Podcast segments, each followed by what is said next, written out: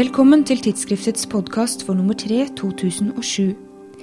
I dette nummeret kan du bl.a. lese mer om rehabilitering, organisasjonsutvikling ved norske sykehus og kronisk polynevropati. Det er det sistnevnte du nå skal få høre mer om. Nevrolog Åse Mygland ved nevrologisk avdeling ved Sørlandet sykehus i Kristiansand har skrevet oversiktsartikkelen 'Kronisk polynevropati utredning og diagnostikk'. Polyneuropati er en samlebetegnelse på forskjellige sykdommer som rammer perifere nerver. Eh, enten generalisert eller mer fokalt. Ifølge Mygland er dette en vanlig sykdom. Forekomsten i den generelle befolkningen er ca. 3% og i høyere aldersgrupper opp i 8% Kronisk polynevropati rammer som regel både motoriske og sensoriske nervefibre, men klinisk deles sykdommen ofte i enten motorisk eller sensorisk. Og Den sensoriske polyneuropatien den er kjennetegnet ved at den ofte har et veldig snikende forløp. Den begynner gjerne i beina. Pasienten kommer og klager over nummenhet i tærne. Eh, det kan også være de klager over prikking og stikking, eller smerter i føttene. Og Det er nevropatiske smerter, dvs. Si pasienten beskriver gjerne en følelse av varme eller kulde eller en underlig fornemmelse at det strammes rundt anklene. Og den smerten er ofte verst i hvile, særlig om natta. Men det kan også bli verre når pasienten tråkker, særlig på hardt underlag. Motoriske polynevropatier er noe sjeldnere og har ofte et mer progressivt forløp. De gir muskelsvakhet i føtter og hender eller hofter og skuldre, og tilstanden forverres ofte fra måned til måned. Det pasientene kommer med av plager, det er ofte problemer med å gå. De kan føle at det svikter i hoftene eller i knærne. De har gjerne snubletendens, føler seg ustø. De kan ha problemer med å komme seg opp trapper eller komme seg opp av dype stoler. Eller de kan ha problemer med å løfte ting. Eh, skru opp lokk eller vri rundt nøyle. Og De som har motorisk polynapati, har gjerne også nesten alltid sensoriske symptomer i tillegg. Altså De har, har også denne nummenheten de stalt i hender og føtter, og gjerne smerter i tillegg. Ifølge Mygland er det viktig å skille mellom disse to typene. Pasienter med motoriske utfall har et annet årsaksspekter og har større utbytte av behandling.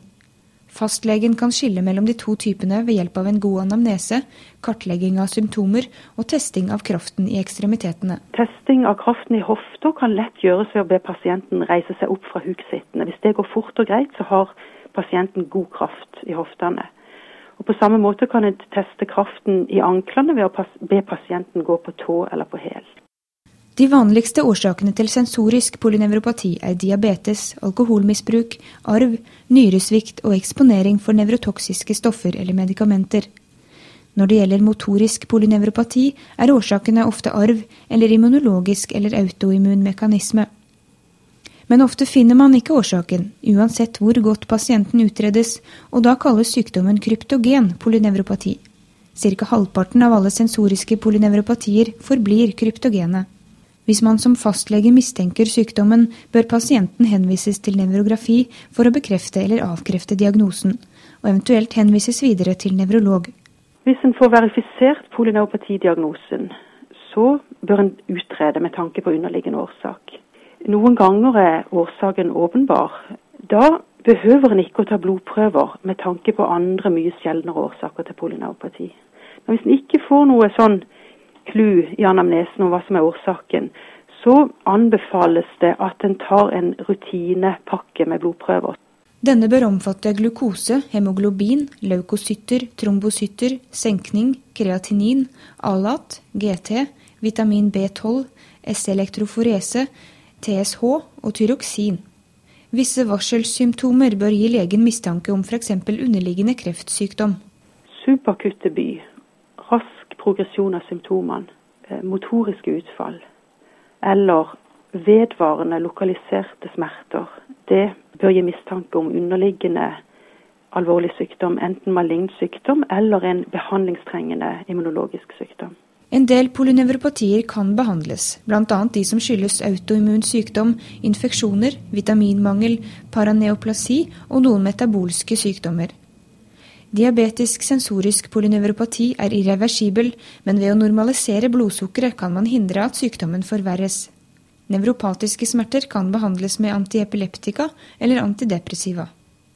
Pasienter som plages av neuropatisk smerte, asteni eller usikkerhet rundt sykdommen sin, bør tilbys behandling, informasjon og gode råd. Allmennlegen kan egentlig bidra til alt dette. De kan informere pasienter med kronisk sensorisk kryptogen polyneuropati om at prognosen er god, at det ikke er noe farlig underliggende sykdom. De kan ha fokus på å tilby nevropatisk smertebehandling hvis det er behov for det. Og de kan informere om betydning av fysisk aktivitet og trening, og tenke på om pasienten kan ha nytte av ortopediske eller ergoterapeutiske hjelpemidler hvis de har pareser.